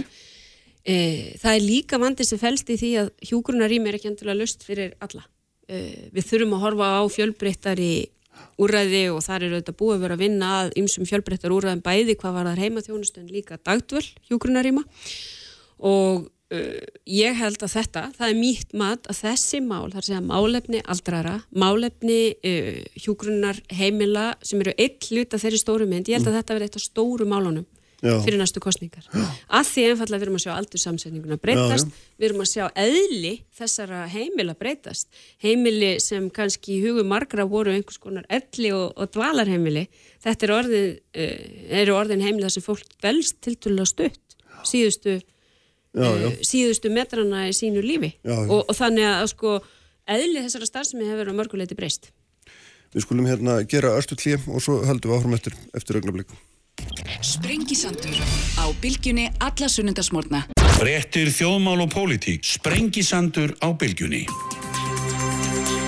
Komið sælættur, hlustundur, Katrín Jakobsdóttir fórsætsráður er hérna ennþá hjá mér og þau koma hérna eh, Helga Vala Helgadóttir og Karl Göldi Hjallarsson eftir augnablík en hérna uh, Katrín hérna sko hvað svona ef þú lítur aðeins fram, fram í sumarið og fram á haustið og hérna þá er maður að velta fyrir sér þetta hvað svona minnstur er að verða eru í stjórnmálum og þá er svona eitthvað tótni, eitthvað þremur sem sitt í saman oddvitunum að þetta sé bara fínt, þetta gangi vel og hérna getur maður ekki bara svona nokkuð vel sleið í fastu að það kemur upp úr kjörkljónum eitthvað að því bara haldið áfram. Ég finna, er eitthvað annað í spílunum? Ég held nú að það er svo sem engin er, sko við göngum ekki bundingin til kostninga. Nei, nei, það er ekki því. þannig og auðvitað er það núna, það blasa náttúrulega við rosalega stóru verkefni eftir þessar kostningar sem snúast kannski um það hvernig ætlum við að byggja upp Ísland eftir COVID. Ég menna þó að við höfum öll fagnað hér mm. stöðunni í faraldrinum hér á Íslandi þá eru þetta stór verkefni. Uh, Við erum búin að vera þetta að grípa til mikil aðgerða út af atvinnuleysi og erum að sjá það fara niður sem er mjög gott teikn og bendi til þess að aðgeri stjórnvalda sé að hafa áhrif og fólk hafi trú á íslensku hagkerfi og hafi trú á því að hérna, viðspinnan getur orðið snörp. En það breytir því ekki að við þurfum líka að horfa til þess hvernig við ætlum að takast á við ríkisfjármálin, hvernig við ætlum að takast á við uppbyggingu í atvinnu og efnaðarsmálum uh, hvernig við ætlum að takast á við lofslagsvanna sem hefur ekkert farið og við þeir eru búin að vera að ræða þetta núna saman í fjögur ár, eru þið ekki bara nokkurn veginn sammála um þetta allt saman?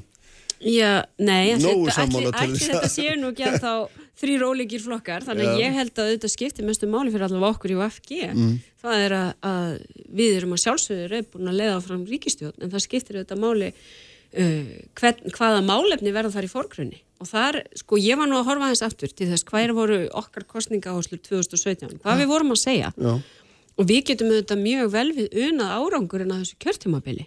uh, bara þegar hortið til þess hvað við vorum að segja til að mynda um þar sem við vorum að ræða hér áðan um, um styrkingu innvið í heilbyrðiskerfinu en líka annara innviða þar sem við höfum verið að ráðast í mikla breytingar, við höfum verið að ráðast í breytingar á skattkerfi og einlega þrepaskipt skattkerfi. Við erum búin að vera uh, leggja grunnina mjög metnaðar fullum aðgerðum í loslasmálum og höfum verið að ráðast í þær og ekki bara metnaðfullum heldur raunhafum aðgerðum. Og þá er ég ekki einu svona að nefna þessi stóru réttindamál sem við höfum verið að vinna á kjörtumabilinu fæðingarólofið sem við lengdum jafnbryttsmálin, mannréttindamál, kynrænt sjálfræði. Þannig að já, ég meina ég er ánæg með hvernig okkur hefur tekist að vinna úr okkar kostningaáslum en síðan er kosið og þá er og Já, þá leggjum já. við þetta spilin aftur á borðið Já, en hvað er það sem þú ætlar að nota til þess að greina þig frá, eða eh, kljúfa þig frá þessum flokkum sem þú er búin að vera að vinna með og hérna því hafi náð svona ágættu samstarfi um flest mál, held ég sínum minna, það er ekki verið mikill ágreiningu, það hefur verið þessi fíluboka, fíluboka félagi Ég meina okkur hefur gengið ákveðlega að vinna saman sem ólíki flokkar. Já. Uh, Það þýðir ekki að við séum öll Auðvitað er það ekki þannig Nei, að. Vafki eða sjálfstæðisflokkurinn eða framsónaflokkurinn uh, komið Nógu með sömu eru þið til þess að, til þess að hérna, mjaka hlutum áfram, er það ekki? Ég held að sko við séum uh, við vor, sko ég held að það sem miklu meira máli skiptir að þetta er allt fólk með reynslu sem nálgast þetta verkefni þannig að það ætla sér að leysa það en ætla sér ekki að efna til ófriðar og það er kannski bara viðhorfið sem skiptir máli ekki að fólk sé endilega sammála Nei. í grunninn um einhver atriði heldur að það með- treysti sér til þess að ráðast þannig í verkefnin að það ætla sér að leysa þau. Það er það sem allir sem fari í ríkistjóð þurfa að ætla sér því það er ekkert auðvelt verkefni og Nei. er aldrei auðvelt verkefni sama með hverju maður er að vinna. En hérna, tökum eitthvað mál sem að sko fjall algjörlega, svo þjóðgarðurinn, hérna, hálendisþjóðgarðurinn, sem var mikið metnamál hjá ykkur, mikið metnamál, þú sóttur umhverfisráð utan úr bæ innan gæsalappa til þess meðal annars að koma þessu máli gegn og hérna, Já, ég sótti nú umhverfisráþara sem hefur verið félagi Vafki frá upphafi og já, hérna en hann var ekki í stjórnmálum, ekki í svona, Nei, ekki, nei, ekki nei, frambúði, hann var nei, ekki nei, þannig. hann var ekki í frambúði Nei, nei, hann var og ekkert- út í bæ. Nei, nei, nei, nei, en hérna auðvitað okkar félagi Já, já, já, já, ég og átti með því. hérna og maður sem kann þennan málaflokk vel enda hefur tekist mjög vel til á kjörtumabilinu, ég nefndi loslasmálinu og ég nefndi já. líka fyrirlýsingar sem aldrei hafa verið fleiri þjókarinn ég menna, það voru hátt í 200 umsagnir og það voru umsagnir eh, En þetta var ykkur frá- ráð þar alveg gríðalegt hjartansmál, hann laði mjög mikið undir í þessu. Ég, þetta er, ég menn þetta er mitt hjartans mál. Já. Ég hef lagt fram þingsáleiktunar tillögur um þetta áður Já. og einmitt þessuna veit ég að það fjast ekki himinn og jörð þó að það taki tíma að klára mál Mhm.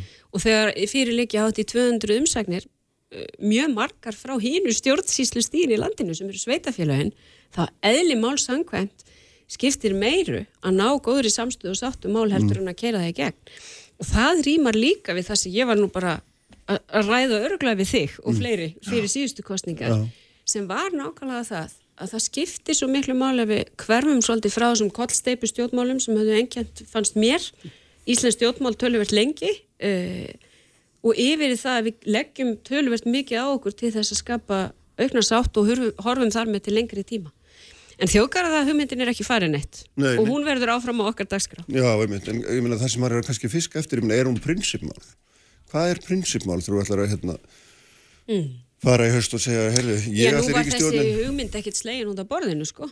Og það er ekki þannig, eða ég með það ekki þannig með svona afgræslu málsins að, að ég menna ég tel að lang flestir flokkar á alþingi hafi flestir, ekki allir. Nei, nei, hafi líst stuðningi við þessa hugmynd og þetta prinsip sko Já, einmitt, þannig að enda eigum við gríðarlega verðmætti inn á hálendi og bara í íslenskri náttúru Þannig að þetta sé meira hérna, eh, svona mál sem er hægt að semja um og, og laga til heldur en hérna, Nei, ég af því meina- þá eru náttúrulega mjög, ekki bara einn á alþingi, mjög víða, mjög margir á mótu sem töldu þetta allt og stórt og Ég allt meina og mikið það er það sem ég og er að allt benda þetta. á Já. er að sko umsagnar voru ekki síst frá hinu stjórnsýslustíðin Mhm. í landinu og ég held sko að við í Vafki erum ekki pólitíst afl sem einhvern veginn lítur á það sem sérstætt markmið að keira yfir sveitafélagin heldur segja við þá þurfum við aðeins að Mhm. horfa til þess að vinna þetta mál áfram.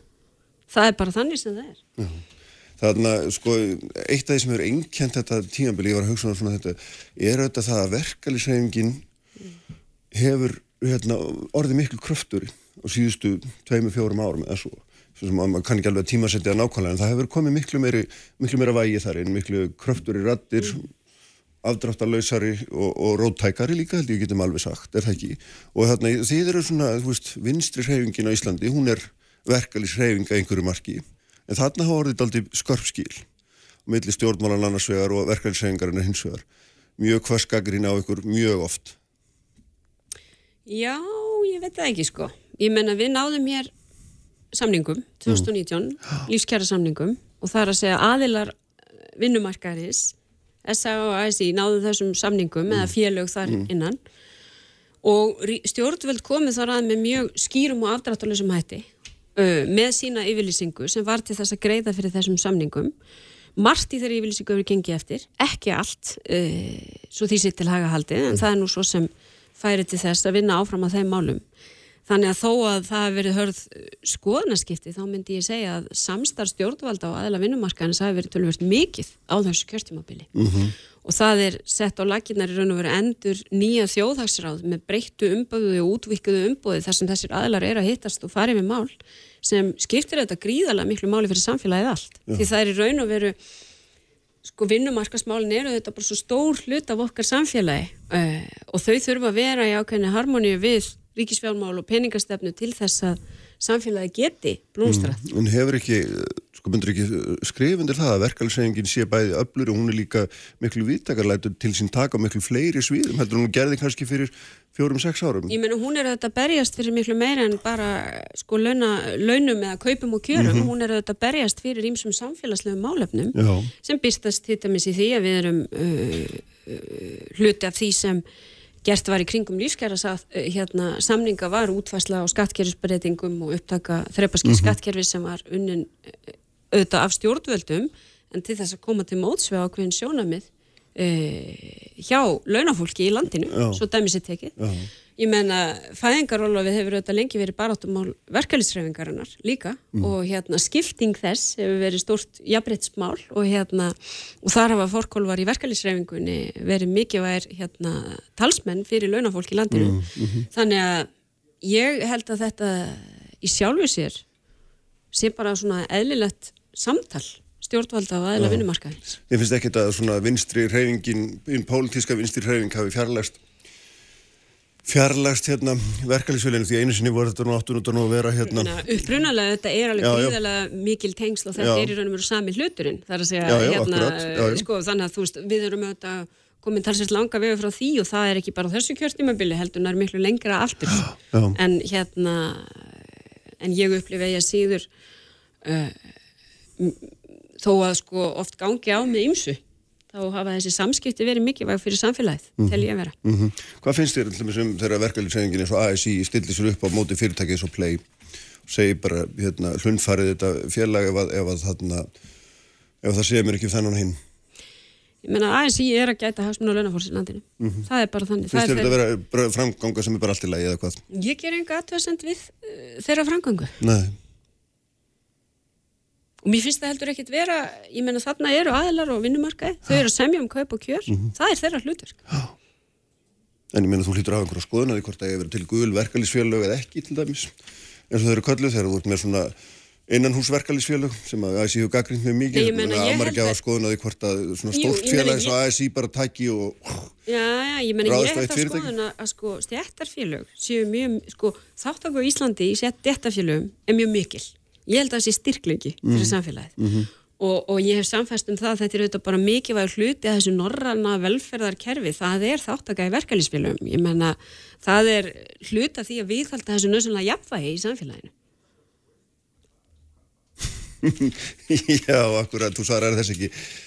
Hvort að hérna, en þér semst fannst allt, allt í lagi að ASI beitti sem með þessum hætti. Ég meina, ég ger enga aðtöðasend til það að verkefnisrengi beiti sér með þessum hætti þegar um er að ræða þau eru að berjast fyrir kjörum sín, síns fólks, skiliru Mm. og, og, og flugfröðufélag eru þetta aldafélag, ASI nú á minjumsu líka þar í hérna, Já, já, aldeilis. fyrir svona um það byrja ári þannig Já, að þetta er ekki ný, nýtt að nálinni Ljómandi, herru, ég held við verðum að Segð þetta gott? segja þetta gott. Já. Segjum amen á eftir efninu sem sagt er. Takk fyrir Takk fyrir að koma kærlega. Takk. Þau verða þarna hjá mér eftir augnablik, Helga Vala, Helga Dóttir og Karl Gauti Hjaltarsson.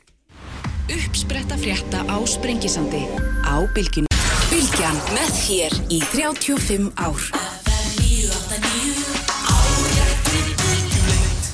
Uppspretta frétta á Sprengisandi á Bylgjunni. Sælilustundur, Katrín Jakobsdóttir, farin frá mér, uh, þau eru eins og sest hérna Karl Gauti Hjaltarsson og Helga Vala Helga Dóttir, alþingismað og alþingiskona. Hún er særlega svo velkvinn. Takk fyrir. Uh, við ætlum aðeins að ræða þetta frumar sem ég á svo áhugavert en hérna uh, dagaði nú uppi á þinginu lokinu sem er þessi afglæpa væðing, það er svona uh, þetta er bara málið sjálft en líka svona samhengi þess einhvern veginn, hérna Karl Gauti þið miðflokksmenn voru nú hérna svona frekar á móti þessu eða mjög eiginlega og hérna sáuð á þessu öll tormerki skýruðu aðeins fyrir mig hvaða svona aðeins að við förum í smáadri í frumvarpinu hvað, hvað er það sem að sem að svona hérna færi ykkur til þess að Að nú, þessu. ég geti nú haldið langar að um það hvað var að þessu, það var eiginlega allt að þessu.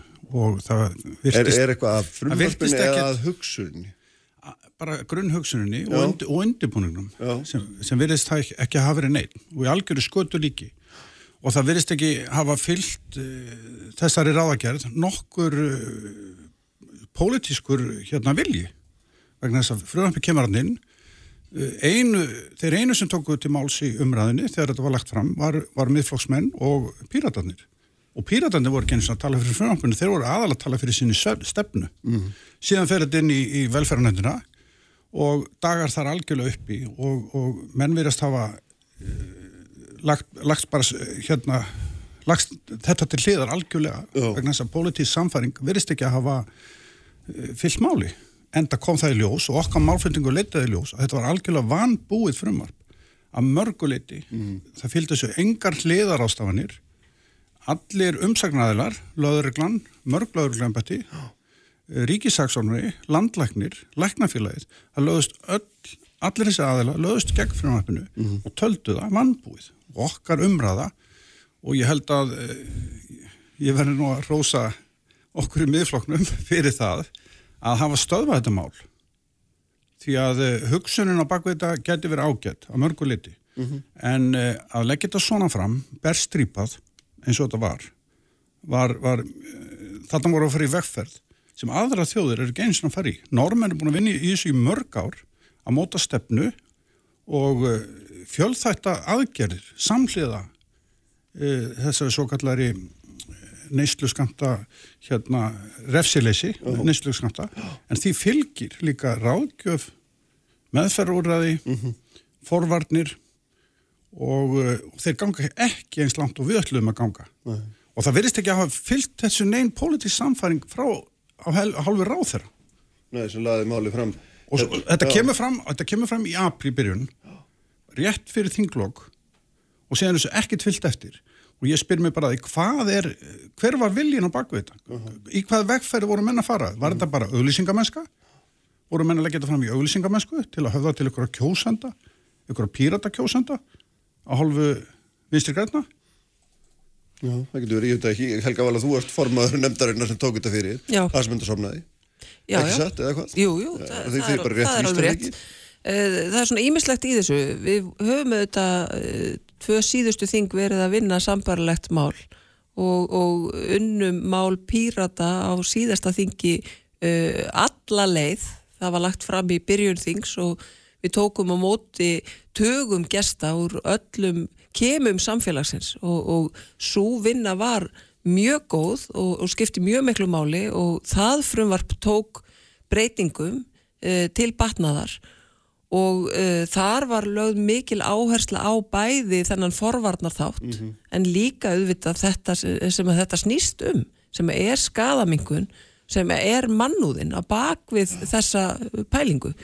Og frumvar pírata sem, að, sem að við stuttum og vorum uh, flutningsmenn með á uh, við nokkur í samfélkingu og fleiri, fleiri flokkum uh, meiri segja vinstri grænum uh, að hérna að það var í rauninni sko, bú- búið að vinna það lengra þó að það væri þingmannafrumvarp.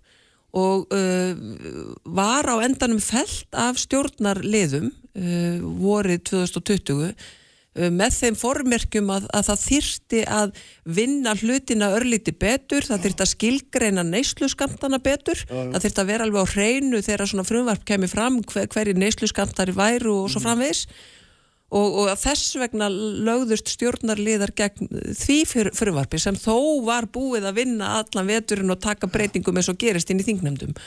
Og þess vegna kannski uh, varði ég fyrir svolítum vonbreyðum þegar ég sá þetta frumvarp heilbyrðisráþurra sem að var skuttlað þarna inn í, í byrjun apríl. Uh, á, á loka metrum vorþings rétt fyrir kostningar líka þar sem við í velferðnefnd vorum auðvitað með uh, býstna stóran bunga málum sem við þurftum að vera að klára á sama tíma, meðal annars frá heilbríðsáþurra hversu svona lítið þetta hafi verið unnið á uh, öllum þessum mánuðum frá því að uh, þessi sami flokkur feldi frumvarpi sem að, sem að þau þó verið meðflutningsmenn á uh, nokkru mánuðum áður. Með þeim formerkjum að það þyrti að vera í meira samráði og, og, og, og gera þetta svona faglegra aðeins. Af því að ráðunitið hefur alla möguleika til þess að kalla alla borðinu, fá laurugluna borðinu og, og landlæknu og svo framvegis. En þannig að það, það voru svona vonbyrði með þetta og kannski líka af því að máli kom svo að þá, þá eh, verður tími nefndarinnar þá verður erfiðara fyrir nefndina að þá laga það sem þarf að laga. Af því að það, það er jú líka hlutverk okkar í fastanefndum þingsins að taka við frumvörpum sem að oft eru vanbúin og, og við minn almáttur við höfum sko verið að, að fást við það í velferðanemnd, ekki síst í COVID að vera að fá hálf unnin mál til okkar. En, en þetta kom bara alltaf seint og við, við náðum ekki að klára það. Nei, en er, er hérna, eru þið sko, ykkar flokkar begja, eru þið sammála þessari hugmyndafræði um að það eigi að, hérna, eigi að, sagt, eins og þetta er kallað afglæpa væða, hérna, gera refsilaust að eiga, eiga, hérna, einhverja svo kallaða neyslu skamta vegna þess að, að, að það sem að svona, sem að vekubandlu umhugsunar er eiginlega það að neyslu skamturinn er bara lokaferli á, hérna, ólaglegri starfsemi frá aðtiluða. Og, og, og hvernig, ég, ég, ég, ég botni ekki alveg hvernig þetta hangi saman sko. Ég, ég vil gera aðtöðsendir auðvitað við þetta, þessa nafngift. Afglæpa væða. Staðnendin er svo, það kom fram í umsögnum meðal hans frá laurugustjórum að það er ekki verið að beita hörðum refsingum fyrir þá sem eru teknið með neysluskamta það er ekki, þetta eru lágasektir og þetta hverfur af sakaskrá eftir einhver ár og við höfum fyl, verið fylgjandi því í miðfloknum að skoða skoða raunverulega saka feril uh, þessa fólks sem er, er tekið með neysluskamta og reyna að laga þar til. Mm að kalla þetta afglæpa væðingur er náttúrulega orðskripi og alls ekki rétt. Það er ekki verið að glæpa væða neyslu, neyslu eitulifja og hefur ekki verið. Og er beitt mjög vægun refsingum og nánast engum.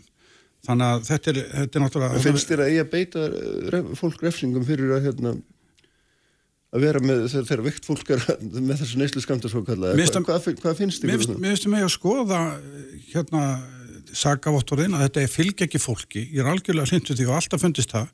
Í mínu starfi sem laurugstjóri þá hefur mér fundist þetta að vera afleitt að uh, fólk sem er tekið með lítinn skamt af kannabis til dæmis að þetta sé að fylgja þeim á sakavottorði. Mm. Þannig að ég vil breyta því og við höfum að skoða það. En þetta, hefur, þetta mál hefur á sig margar hliðar. Sko, eitt er heilsugjæslu hliðin. Uh, frumarpið reiknaði ekkert með henni.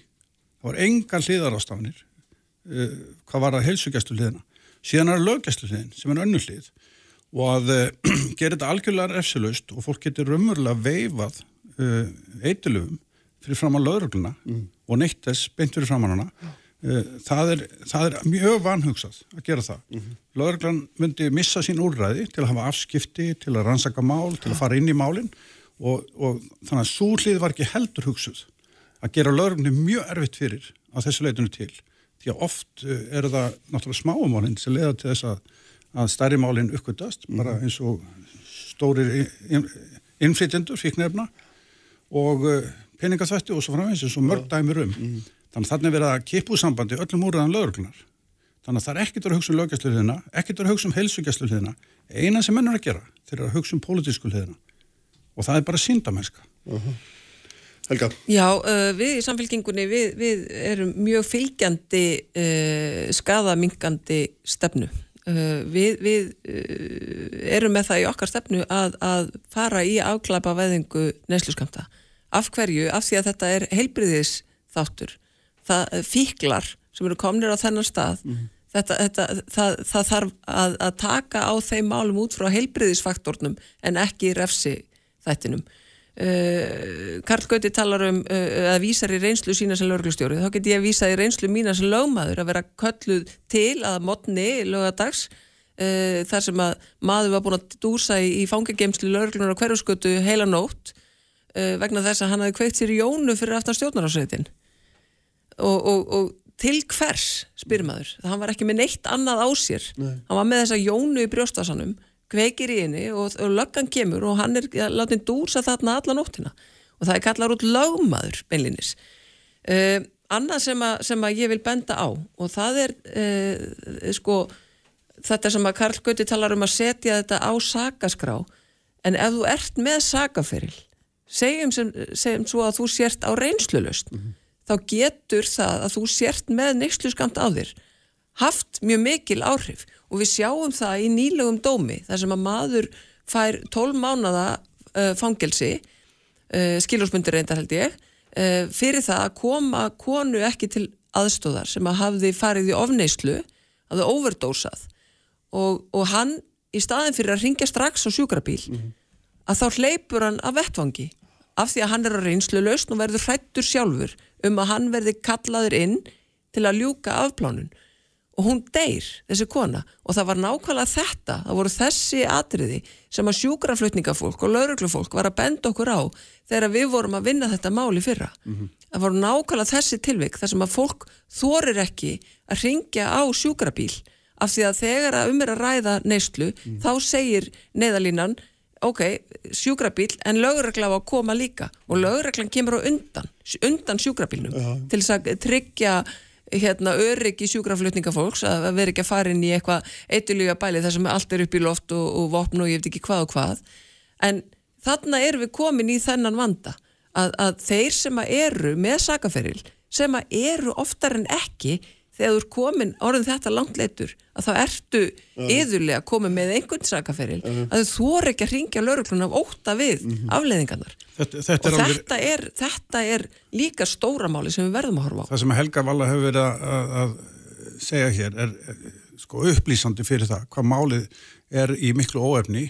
Þar að segja að það verið að leggja fram til um afglapa væða eins og þeir kalla neysluskantana og það er ekki hugsað fyrir neinum afleðingum og, og allir þessir öll þessi sjónamið sem kom hér fram hjá viðmannata okkar, Helgu Völu uh, lýsa kannski best hvernig máliðist það. Það er ekkert verið að taka til mis forvinnun eins og í Nóri þeir eru búin að vinna í mörg ára því að reyna, hérna, reyna að vinna málið og leggja það fram. Hvað áttu nákvæmlega við með þessu? Hvernig vinnaða það hvað?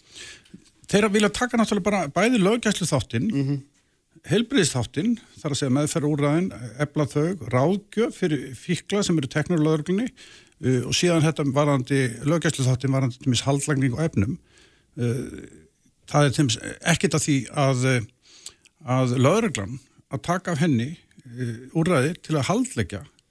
Það er mjög hem, hamlandi fyrir löggjastarfi ef þeir eru ekki með á það þar að segja fíkildum að getur verið með fíknefni Mhm.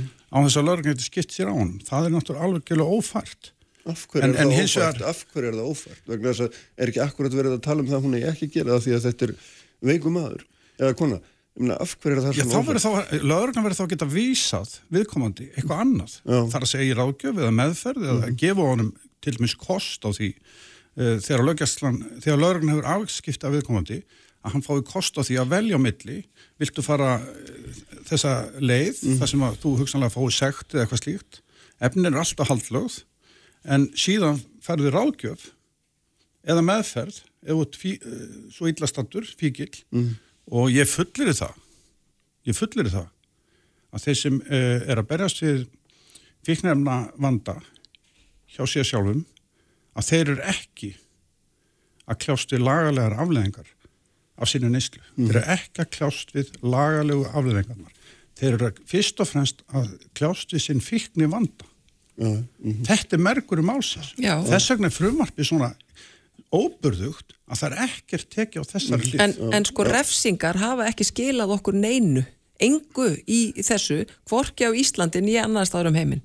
Þessi refsistefna sem hefur fyllt, fyllt þessu er, er, hefur algjörlega beðið skipbrott og þess vegna eigum við að horfa á skada sammála og við eigum að horfa á þetta út frá, út frá heilbriðissjónamiðum en ekki refsingum og það að segja, lögreglan á að geta bóðið fólki upp á að fara í meðferð, þá erum við auðvitað ekki með þann uh, þann kost í dag, af því það Nei, eru nei. bara ofbóðslega langir byðlistar að komast í meðferð ef, ef, sko, lögreglan vill gjarnan geta sagt við hvern einasta fíkil sem er, er, gistir mm -hmm. fangagemslu lögreglu út af einhverjum öðrum brotum en, en þessum uh, má bjóða þeir að fara í meðferð en það er bara engin möguleiki á því í dag af því að það eru bara er, í en- þessu eins og öðru En Helga Vala, þegar, þegar sko, þú, ert með, þú ert með mann sem er með eitthvað efni Já. og efni er ólöglegt. Það er ljóst. Já. Það er ólöglegt að neyta þess, það er ólöglegt að hafa það, það er ólöglegt að kaupa, það er ólöglegt að selja, það er ólöglegt að framlega og þú veist, það var búið að smigla því og, minna, og hérna, það var örgulega framlegt að þrælum og skilur, þú getur bara tekið alla keðjun og hún er öll saman fyrir hérna, Já. neðan yfirborðið. Já. Og, og það sem er að velta fyrir sig, hve- hvernig getum við tekið einhvern einn hlut úr þessari keðju og sagt, já þetta er allt í lagi. Af því að þetta er það sem heldur allri inn í keðjun í ganga. Já, þ- já það, það er vegna þess að við erum hvað sem er ekki að stoppa alla hinna keðjuna með því að hafa þennan þátt ólöglegan. Það eina sem að við erum að gera með því að afglapa vaða þennan þátt, það er að segja vörslu á neysluskömmtum, er að við erum að reyna að vernda veikasta hópin þann sem að við þurfum að vera að vernda. Og það hefur tekist bara mjög vel bæði Portugal og Kanada til dæmis og, og Sviss. Eh, en í, á, í öllum þessum ríkum var jafnframt farið í mjög kröftuga forvarnarvinnu. Og það er auðvitað líka eitthvað sem að vandar mjög á hér á Íslandi. Og það er þessi kröftuga forvarnarvinna sem að verður að fara samhliða. Þegar Karl Gauti saði, taldi upp hérna alla sem hefur lagst gegn þessu frumvarpi eh, en þá, þá er það ekki svo að allir þessir aðilar sé að leggjast gegn hugmyndafræðinu um skadamingun, alls ekki heldur einmitt kannski það, eins og landlækni til dæmis, sem saði samhliða verðum við að tekna upp mjög kröftu og forvarnastefnu og öll súvinna það, það skorti á hana í, við samningu frumvarsins þannig að ég segi bara, ég er mjög hlind þessari stefnu en frumvarpi var því miður ekki nógu vel unnið og eins og því miður svo oft þegar að koma þessu ráðunetti það var samráðið bara ekki fyrir hendi hvort sem það var vegna þess að fólk var bara upptökið við annað eða hvað, en það var það þannig Já, Karl. Við, við erum það allavega sammálinn það að, hafi verið óbyrðugt. Við erum sammálinn það, ég og Helga Vala. En, og, en þú sagðist þér á ósamála, ósamála henni um refsistefnu. Er, finnst þér hún hafa skila árangri sem sagt eða? Já, ég held það. Er það? Ég Já, hvern, hvernig færðu það Ég út? meina, lítum á, þú tókst Portugal og þú tókst Holland. Sko, Holland... Sviss og, og, og Kanada Ho- Holland, þar hefur hluta þeirra ungmanna sem hafa prófað kannabis, hún jógst þrefald á árabilin 84 til 94. Þrefald, ungmenna. Og í Portugal var var sama sagan á 20 ára á frá fíkniefnum. 1995 til 2005, þá eikst hluta þeirra ung, ungmenna sem prófað kannabis þrefald. Ég tók einmitt ekki Holland sem dæmi. Og við erum einmitt þrefald á Íslandi er þrefalt færri ungmenni sem hafa uh, prófað þessi efni. Og því við vitum það, Helga Vala, að þeir, þeir ung, þau ungmenni sem prófa eitulif, að þeir eru miklu líkleri til að fara út í harðar efni, hlutfall, hlutfall þeirra, hluti þeirra er líklegri til að fara út í harðar efni. Og viljum við auka á þennan fíknefna vanda Nei, eins og hefur gerst í Portugal Nei, það og hefur Hollandi. einmitt ekki í Portugal, Karl Viljum Gauti, við- það er bara viljum við rátt hjá auka þér. þennan vanda? og rannsóknir sína Og- einmitt og- að það og gerist ekki þegar það var kom það var og einmitt verið að það draga úr því. vel. Það var Þetta var einmitt gengið svo vel þetta frumvarp. En samt er enga hliðar ráðstafanir. Hvernig getur þú sagt þetta að gengið vel ef enga hliðar ráðstafan hafa verið Neysla fíknefna, bæði Portugal og Kanada dróst saman þegar þessi stefna var tekin upp og það er bara fakta. Heru, ég held að við hérna verðum að verðum að láta þessu loki núna, hérna við segjum aminu eftir efninu, það er búin að segja fjóru sinni dag þannig að það er orðið Það er ágætt. dásamlegt. Já, heyrðu, þakka ykkur báðum fyrir að koma. Helga Vala og Karl Gauti og hérna Sprengisandinu verður að láta loki Ívar Davíð Haldursson stýrði auðvitað útsendingu og svona gerir alltaf og allt efni má finna á vísi.is og bilgjum.is og svo þetta hvarvetna það sem þið finnið hlaðvörpun ykkar og svo ætlum ég að vera með ykkur hér aftur eftir. Viku, verið sæl